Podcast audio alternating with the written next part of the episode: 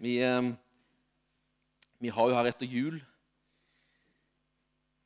iallfall visse søndag talt over Filippobrevet, og vi skal fortsette med det i dag. Vi kommer til Filippobrevet 3.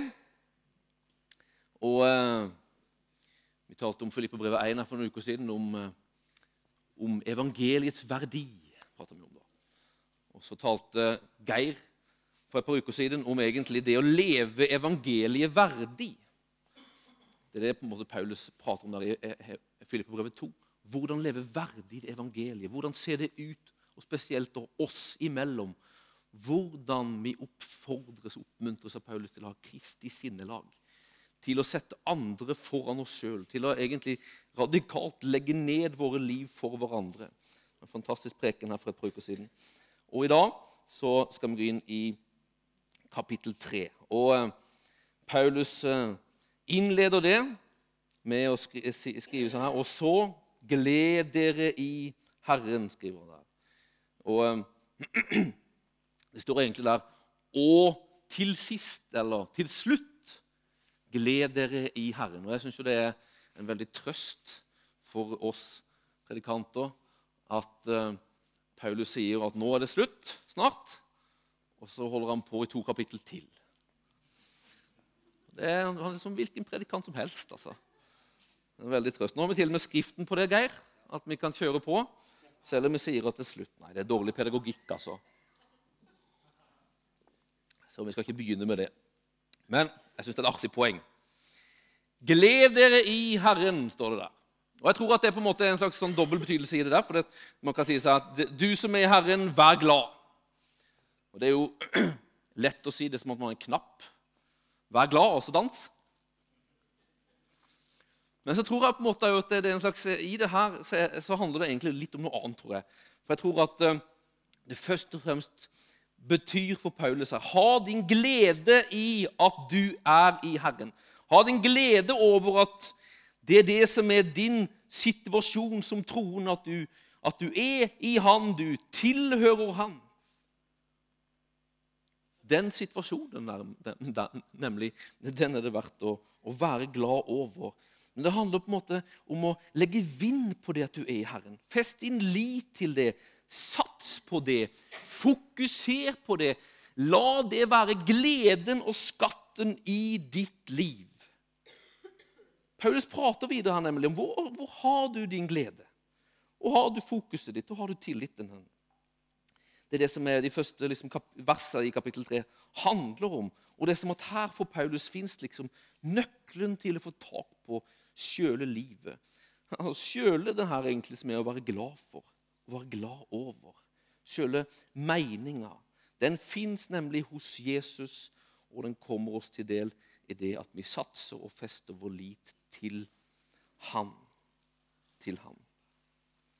Jeg tror at det som er her i første, de første versene i kapittel 10, det er på en måte, det er det det handler om. Det er det å være glede seg Herren. Ha, la det være gleden i livet. Og så tror jeg faktisk vi har her forutsetningen faktisk for å kunne leve sånn som Geir talte om sist gang, nemlig et liv der andre blir vårt fokus. Paulus fortsetter her med å på en måte egentlig advare mot å ha sin glede i ytre ting. Og I stedet så peker han på at den virkelige gleden ligger i å kjenne Jesus og å være kjent av ham.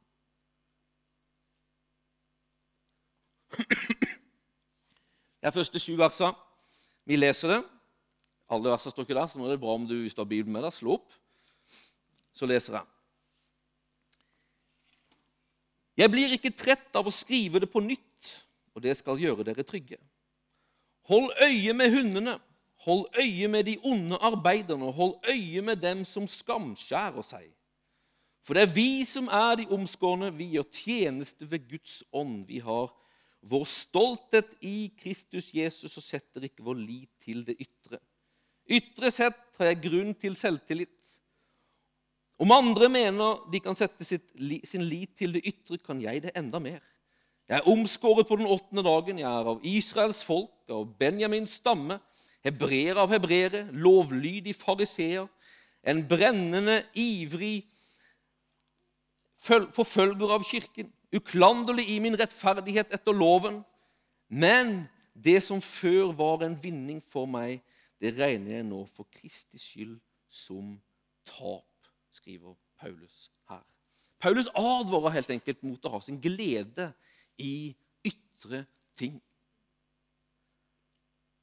Ha sin glede i karrieren, ha sin glede i hvilken nasjonalitet du har, i hvilken bakgrunn du har, eller noe annet egentlig enn å ha den i Jesus Kristus. Det er som at For Paulus er på en måte det her sånn motsetninger. Det har gleden i den ytre. Det, det, det, det truer liksom den her virkelige gleden, nemlig den som fins hos Jesus. Og Jeg tror det kan være sånn for oss. altså.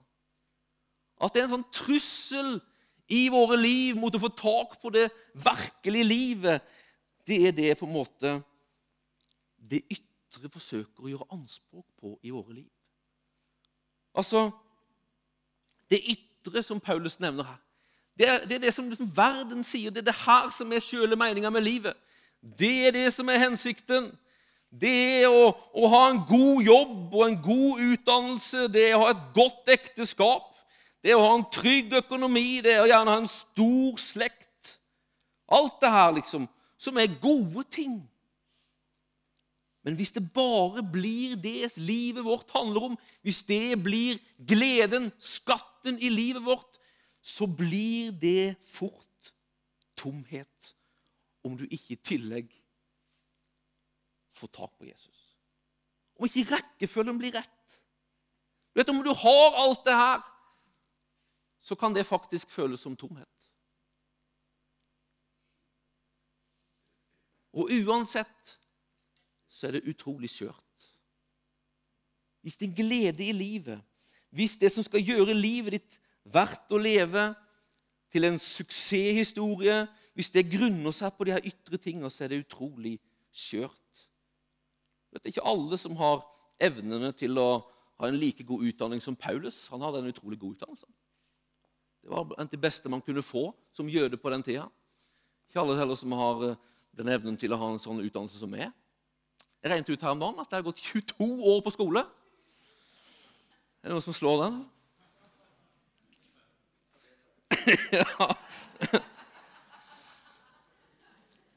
Men hva om det blir nedgangstider i den bransjen du jobber i, og jobben din ryker? Og om du sliter i ekteskapet? Hva om du forblir barnløs?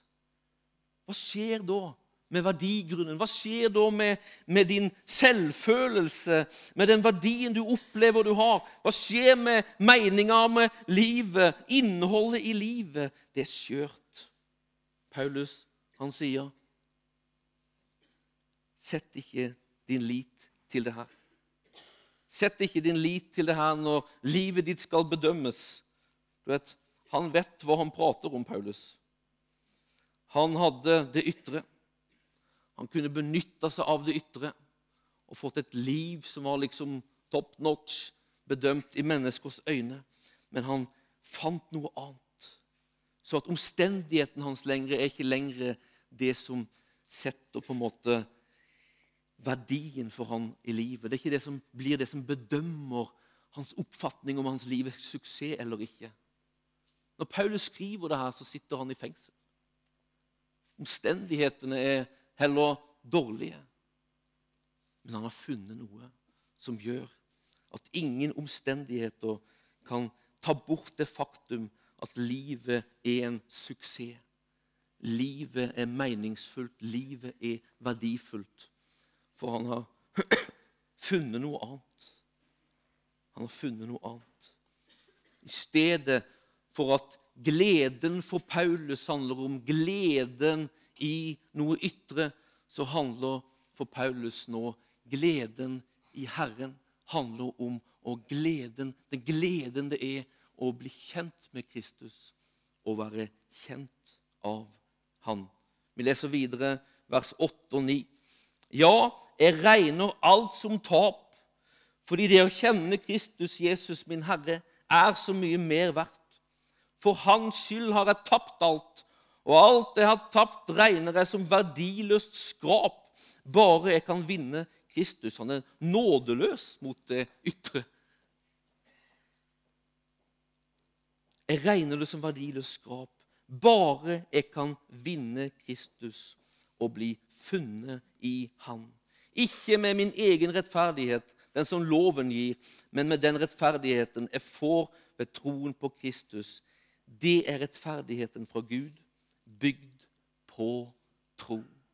Skatten for Paulus, nøkkelen til suksess for Paulus, det han vil rose seg, og det han regner som vinst i livet, det handler om at han har lært kjenne Kristus. Et Sammenlignet med det som blir alt skrap for Paulus. Hva innebærer det? Åssen har han på en måte lært kjenne Kristus? Jo, to ting. Ved at han har vunnet Kristus, skriver han, og han har blitt funnet i Kristus. Og innebærer det å vinne Kristus? Det er som å vinne Lotto. Det er bare forsmaken. Det å vinne Kristus Men Tenk på det. Du og vi som tror på Jesus, vi har vunnet Kristus. Dette er, det, det er nåde, altså. Det er, ikke, det er ikke snakk om måte, at vi på en måte har fortjent Kristus. Det er like mye nåde som det å vinne i Lotto.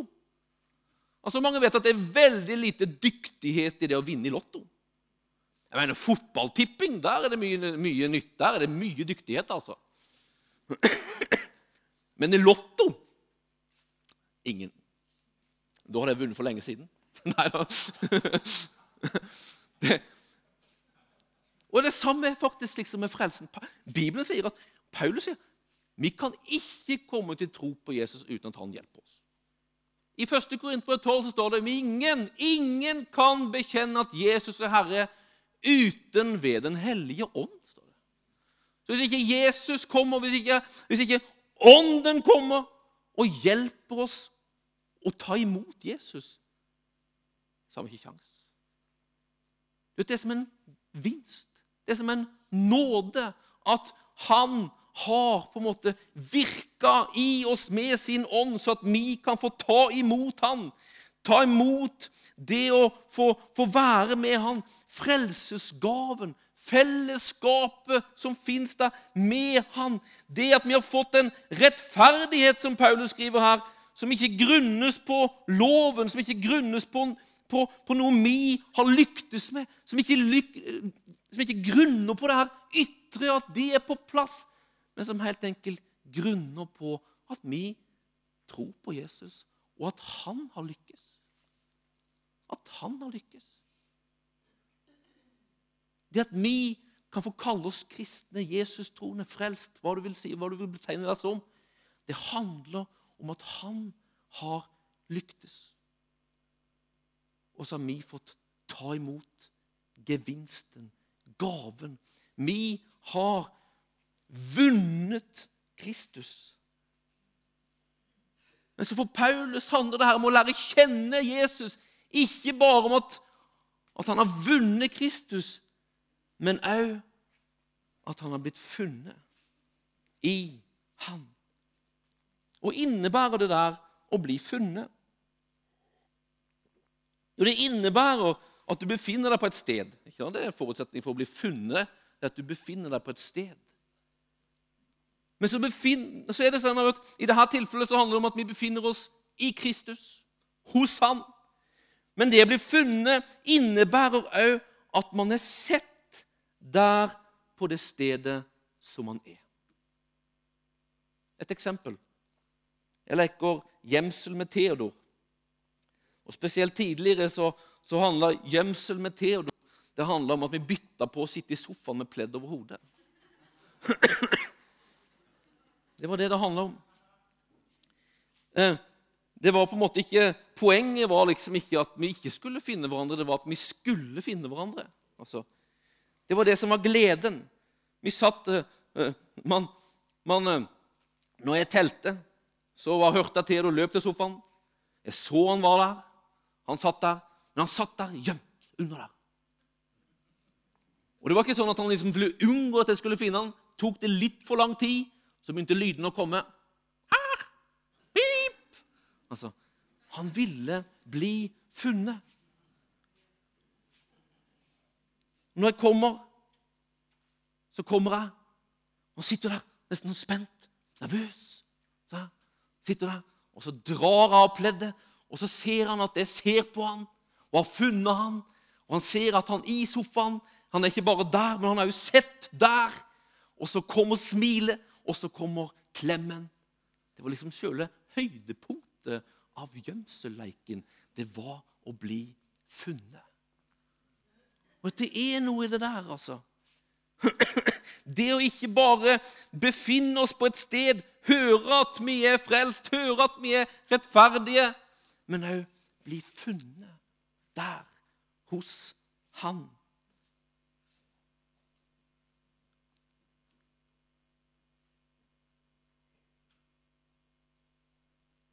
Vet, vi kan være sånn. I vårt forhold til Jesus så kan det være sånn. Du Vet, det er fakta når du har tatt imot Jesus, at du er i han. Du har fellesskap med han. Men vet du hva? Hvis du ikke opplever at han ser deg, opplever at han signaliserer og bekrefter sine tanker, sitt hjerte, sin aksept og sin kjærlighet til deg, så fins den usikkerheten som mange måtte merke hos Theodor under pleddet der, hos oss i vårt forhold til Gud. Han satt der. Han visste han var i sofaen. Men han var ikke sikker på om pappa hadde sett ham. Sånn kan det være for oss. altså. Vi kan ha vunnet Kristus, men vi er usikre på om han virkelig finner oss, ser oss. Vi kan høre at vi er rettferdige, vi kan høre at vi er elska, men vi er faktisk ikke sikre på om Guds øyne og hjerte til oss sier akkurat det. Sikre på det blir vi ikke, min venn. For vi ser hans øyne. For vi ser hans hjerte. For vi opplever det retta mot våre liv. At det ut fra de hjertene, liksom, ut fra de øynene, strømmer et signal. 'Jeg har sett deg, jeg har funnet deg.' Og det, den rettferdigheten, den godkjente, den bekreftelsen som du, som du har vunnet, det er en realitet, en virkelighet hos meg. Det å bli sett av Gud, det handler om å bli funnet. Det å bli funnet i Kristus en forutsetning for å lære å kjenne ham. Det er et sted der vi forstår at vi ses på med øyne som sier at du er rettferdig og god nok. Som sier at du er innenfor og inkludert. Som sier at det er et velbehag som hviler over ditt liv. Som bekrefter deg med tommel opp.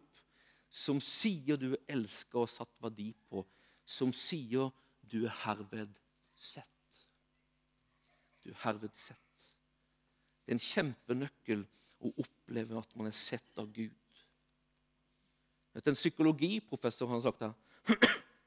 Det er det, som, det er det at du er sett, som gjør at du lever. Før du er sett, så eksisterer du bare. Det er først når du er sett, at du lever. En annen har sagt det sånn her. Å bli sett, det er at noen viser oss positiv oppmerksomhet. De smiler til oss. De viser med ord og kroppsspråk at de liker oss og tror på oss, og at de har interesse av og fokus på oss. Det er som om de uten ord formidler at de er med på laget vårt og vil heie på oss uansett hva som skjer. Dette er menneskets aller mest grunnleggende følelsesmessige behov. Det å bli sett og det å bli sett av Gud. Han som har skapt oss. Han som har skapt oss, som har skapt oss med en hensikt av å være hos Han, av å kjenne Han. Han har interesse av at vi skal oppleve at Han ser oss. Du vet, Han er en Gud som ser. Og at før han får se deg, så kommer vi til å gjemme oss under pleddet som Theodor. Et pledd av karriere, et pledd av en god jobb, et pledd av en god utdannelse, en pledd av en god slekt, av å komme fra det rette stedet, ha det fine hjemmet, det ytre fasaden. Vi gjemmer oss helt til han får se oss og bekrefte oss. Det fins en fortelling om det her i Bibelen, i første Mosebok, om Hagar. Hagar som var, som var på en måte slavhustruen til Sara, Abrahams hustru. Og hun, eh, Sara lot jo Hagar få, få, være med Abraham og bli gravid med Abraham. Etter det så, så blir hun på en måte misunnelig. Det kjæreste, og, og Hagar må rømme ut i ørkenen. Bort fra alle. Og hun tror at hun er borte fra alle, borte fra alle synsfelt. Hun gjør seg liksom klar for å bare dø. Bort fra alle, ut i ørkenen. Der ute i ørkenen så møter Hagar Guds engel. Og engelen sier til Hagar at 'Hagar, du er med barn, og du skal føde en sønn som du skal gi navnet Ismael'. Ismael, det betyr Gud hører. Gud hører. Og så profeteres det om denne Ismael. og så, når engelen har, har, har, gått derifra, så sitter Hagar igjen med det her inntrykket av et møte med Gud. Og så uttrykker hun det her. Da satte hun det her navnet på Herren som hadde talt til henne. Du er en Gud som ser meg. For hun sa, 'Har jeg virkelig sett ham som ser meg?' Det er som en vendepunkt i sitt Hagas liv. Hun, hun fra på en måte ville være usynlig, ville dø, så vender hun tilbake igjen, føder Ismael, og møtte en Gud som ser. At Gud han vil la oss vite at vi er sett og hørt av Han. Åssen Jeg kom på tre ting. Han ønsker å gjøre det gjennom profetiske ord. Det var det beste bildet jeg kunne finne av en profet. Ikke at profeter får dårlige rykter. Men Gud, gjennom et profetisk ord så ønsker han å, å, å si til oss 'Jeg ser du'. Husk, Glemmer aldri Sandra fikk et profetisk ord av Leif Hetland midt i en tid der hun på en måte var et liv bare masse skuffelser, så, så får Leif et ord og hører bare ordet 'skuffelser'. Og Sandra kjenner seg så sett og så hørt. Og så er ørene åpne for et profetisk ord som han gir. Det å være sett av Gud, hørt av Gud, det kan vi få oppleve gjennom profetiske ord. Ungdommene var på impulskonferansen her sist helg. Og En av ungdommene Andrea fortalte her om en opplevelse hun hadde der. Så utrolig sterk. Jeg hadde invitert henne hit. Det er en avtale men så måtte jobbe. Men jeg fikk lov til å, til å si noe om hva hun fortalte.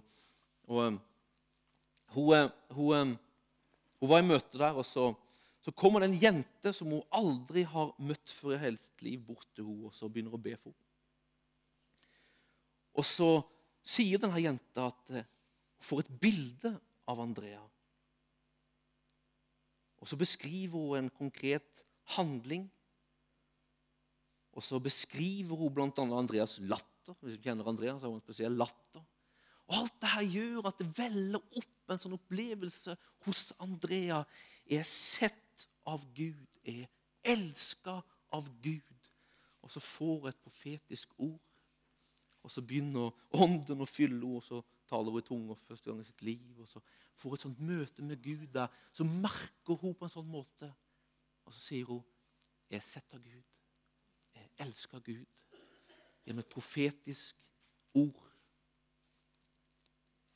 Der skjer det òg på en måte gjennom et møte med hans nærvær og kraft. Kom over ei dansk dame her i uka som var, som heter Charlotte Rørt.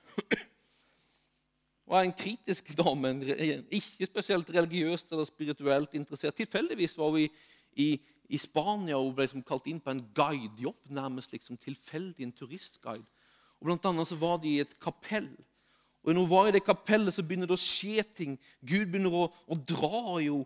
Og over en liksom periode så etter hvert så, så, så, Når hun kommer hjem til Danmark, så får hun et, et syn der hun måtte se døra til kapellet og opplever at hun må reise tilbake igjen til kapellet i Spania. Kommer inn der, og så får hun se Jesus i et syn. Og så beskriver hun så her Jeg ser han, og jeg ser at han vet hvem jeg er. Et vennlig blikk som sier at det er godt at jeg eksisterer. At jeg er godtatt, og at det er godt at jeg er der. Og Så sier han velkommen. Det er godt å se deg. Der skaper en utrolig prosess i denne dama som ikke har på en måte hatt liksom, spesielt interesse av det her. Men hun kommer til tro. Og Så skriver hun en bok som heter 'Jeg møtte Jesus'. Og så på den boka, på når jeg leser på Adlibris, så, så, så i beskrivelsen av den står det, så sier hun det her.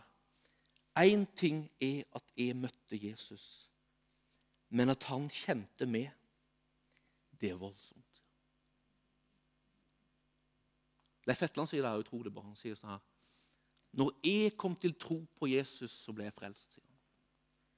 Men jeg forsto at han tror på meg.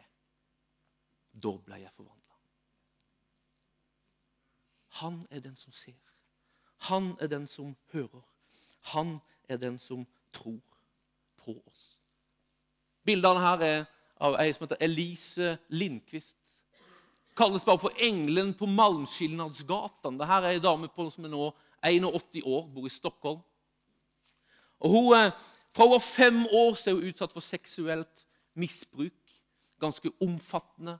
Hun rømmer hjemmefra når hun er 16, havner på i prostitusjon.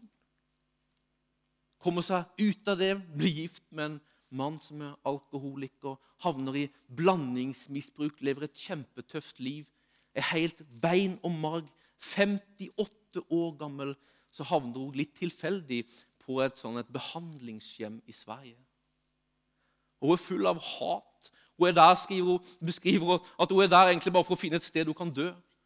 Og så er hun der en kveld. Det er et kristet behandlingshjem. Det er pinsebevegelsens behandlingshjem. og de har møter der. Det er noen mannlige ledere der. Hun sier hun hater menn. Det hun skal gjøre nå, har hun ingen forutsetning for, ingen lyst til å gjøre, men hun opplever nærmest som at Gud tar henne i handa. Leier hun fram til en av og så hører hun seg sjøl si, 'Kan du be for meg?' Mannen ber, og det er som et lynnedslag. Det blir fylt av Guds kraft og kjærlighet. Og denne mannen som, som, som ba for henne, han har beskrevet at det var som at du ble forvandlet fra en, fra en dame full av hat til en en engel som det lyste av. Et møte med Gud. Det her, det her er ikke en sånn forvandling totalt på et nu. Det er et prosess som pågår i et års tid. Der hun får gå med de her lederne, der hun får gå gjennom en prosess av tilgivelse av alt det som har vært. Og så er det som at hun sier så her Det skyller en slags kjærlighet gjennom mitt liv som gjør at alt selvhat, alt at det, det, det, det å se på seg sjøl som liksom ingenting verdt. Det bare ender og snur. Og så begynner hun å elske seg sjøl. Og så skjer det noe med denne dama. Hun får et hjerte for mennesker som har vært igjennom lignende ting. Malmskillnadsgatan i Stockholm det det er si, horestrøket i Stockholm. Det der de prostituerte møtes det der på en måte trafikken som skjer. Det får hun et hjerte for. Hun blir med i en kirke i Stockholm som heter Klara kirke. De har stor, et stort et humanitært arbeid blant annet, ute blant de her. Og hver fredag stort sett fra de siste 20 åra så har Elise vært på Malmskillnadsgata. For å se mennesker. For å klemme om de her prostituerte. For å elske. Det her er ikke et folk sier hun, som har bare liksom fått tillit fra første stund. Det her er en lang, det her er møysommelige prosesser. Det er trofasthet, det er kjærlighet, det er interesse, det er å se de. Og gradvis så opplever hun fra flere av det her at tilliten kommer. Hun beskriver bl.a. En, en, en, dame fra, som var liksom offer for trafficking fra Øst-Europa. Var ute på Malmskillandsgaten og traff denne Elise. og og etter hvert så begynner tillit å oppstå. Og Elise hun, hun følger med henne til tannlegen og leger. hun inviterer henne hjem. De begynner å dele livet. Over en periode på et par års tid så, så kommer denne dama til tro. Og Etter hvert så begynner en lengsel etter å komme tilbake igjen til sitt hjemland. Flytter hjem igjen. Stifter familie. Og i dag så er hun eh, troende og leder et arbeid blant prostituerte i sitt hjemland. Flere har på en måte kommet ut av liksom det her livet på gata gjennom det arbeidet som Elise og Klara kirka gjør. Flere blir med til kirken og stiller spørsmålet hvorfor elsker Jesus oss? Gjennom Elise, gjennom gruppa for Klara kirka, så opplever det en Gud som ser. En Gud som ser. Vet, når Gud berører mennesker, så er det alltid med en hensikt, det er å nå verden. Han ønsker å se du, sånn at du kan se andre. Jeg tror det er bare gjennom at han får se du, at vi kan leve det livet som, som Geir talte om sist fra Filipperbrevet 2. Det er som at Paulus her i kapittel 3 kommer liksom over og sier det er sånn her det kan gå til. Det jeg talte om i kapittel 2. Det er så her det kan gå til at dere kan ha Kristi sinnelag. Uten at dere innser at dere har vunnet Kristus, men òg er blitt funnet i Han, så går det ikke. Så går det ikke. Sett av Han.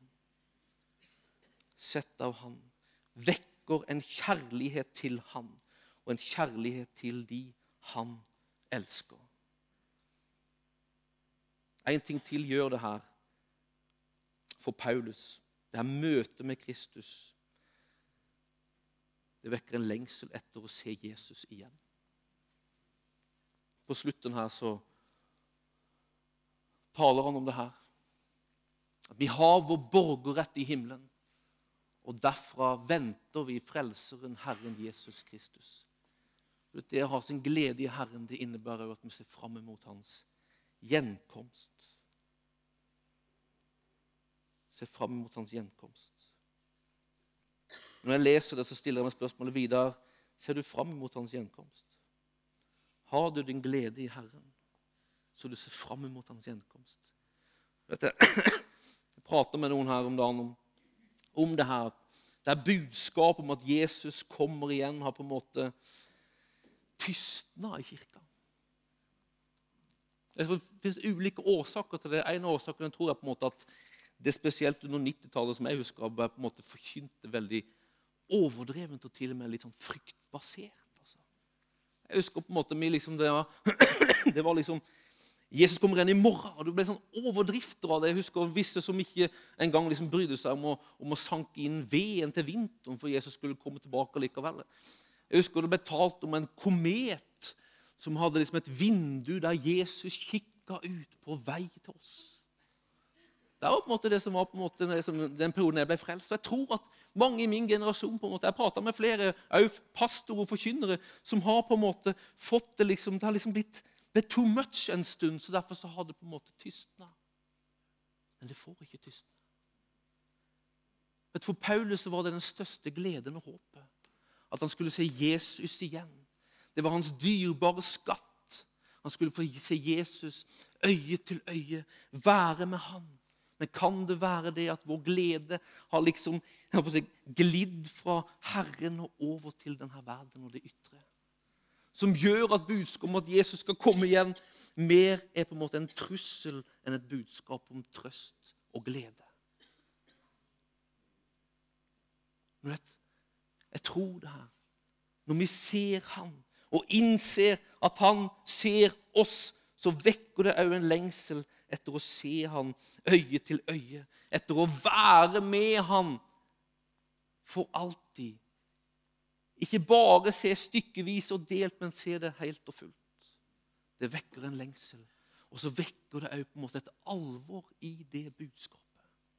Et alvor om at det kommer en dag. Når han kommer igjen på skyen, og det står at det er en dag av dom. Der det handler om at mennesker har fått ta imot han. Fått vunnet han. Og det er et budskap som, som ligger på oss å forkynne. Et Jesu gjenkomst. Det er et budskap som vi må holde ved liv. Det er et budskap som Nytestamentet holder ved liv.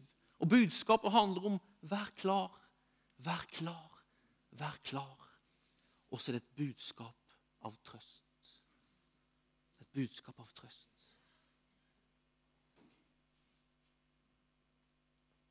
Gleden i Herren. Gled deg i Herren. For Paulus så var det noe som på en måte han innså, fikk oppleve gjennom at han ble vunnet av Kristus og ble funnet av ham. At jeg tror på en Gud som ser. Og jeg tror på en Gud som ser du, og som ønsker at du skal innse at han ser, er for deg og vil ha deg. Han inviterer, som budskapet også talte om i stad. Han inviterer oss til fellesskap. Han står der og banker. Det her å komme fram til den punkten at man er sett av han, det å møte han som er beskrevet her, det er ikke på en måte en fortjeneste for lang og tro tjeneste. For Elise på, på, på behandlingshjemmet så var det ikke på en måte noe hun hadde på en måte gjort seg fortjent til. Hun hadde vært, var der for å dø. Hun. Men Gud er full av nåde. For Paulus var det heller ikke det. Han møtte Jesus når han holdt på å forfølge kristne kirker. Altså. Det er et Guds nådes øyeblikk. Altså. Men mitt håp er at du skal tenne en lengsel i deg. Vekke en lengsel, en hunger. For jeg tror at det på en måte er noe som på en måte nesten attraherer Gud. Jeg har fulgt Andrea, og jeg vet at det har vært en stigende lengsel i hos sitt liv etter å møte Jesus. Min historie handler også om et tilfeldig møte. Det var ikke en dag jeg hadde vært spesielt mye bedre enn andre dager. Men allikevel var det en periode av en hunger og en lengsel som hadde vekts i meg. En lengsel som hadde fått gro og vokse. Det er med bønn at vi skal ha en lengsel etter å møte ham. En lengsel etter at han skal få se oss, prege oss. Jeg tror han vil det. Jeg tror han vil det. Amen. Det var Filippo-brevet 3. Himmelske Far, takker deg for ditt ord. Takker deg for ditt hjerte. Takk for dine øyne. Jeg ber, far, at eh, du som er den Gud som ser, at du skal få gjøre det i våre liv. Far, vi vi vil ikke, far, at vår kjærlighet skal være til ytre ting i denne verden, men at vår kjærlighet skal være til du. At du skal være vår glede, at du skal være vår skatt. Men far, vi kan ikke trykke det fram sjøl. Vi kan klare det i kveld, Herre, men det er du, far, som må møte oss på en sånn måte, far, at våre øyne bare innser og ser, Herre, at du ser oss. At vi innser at vi er rettferdige. Vi innser at vi er elska, og vi innser at vi er verdifulle. For kom og elsk oss, så at vi kan elske du tilbake. Og at vi kan elske mennesker rundt oss, som ditt ord sier. Vi vil være et folk som lever verdig du. Men du, far, er den som gjør det i våre liv. Bare kom og gjør det. Vi må vel åpne livet våre for du, for din ånd, for ditt nærvær og virke det fram. I Jesu navn. Amen.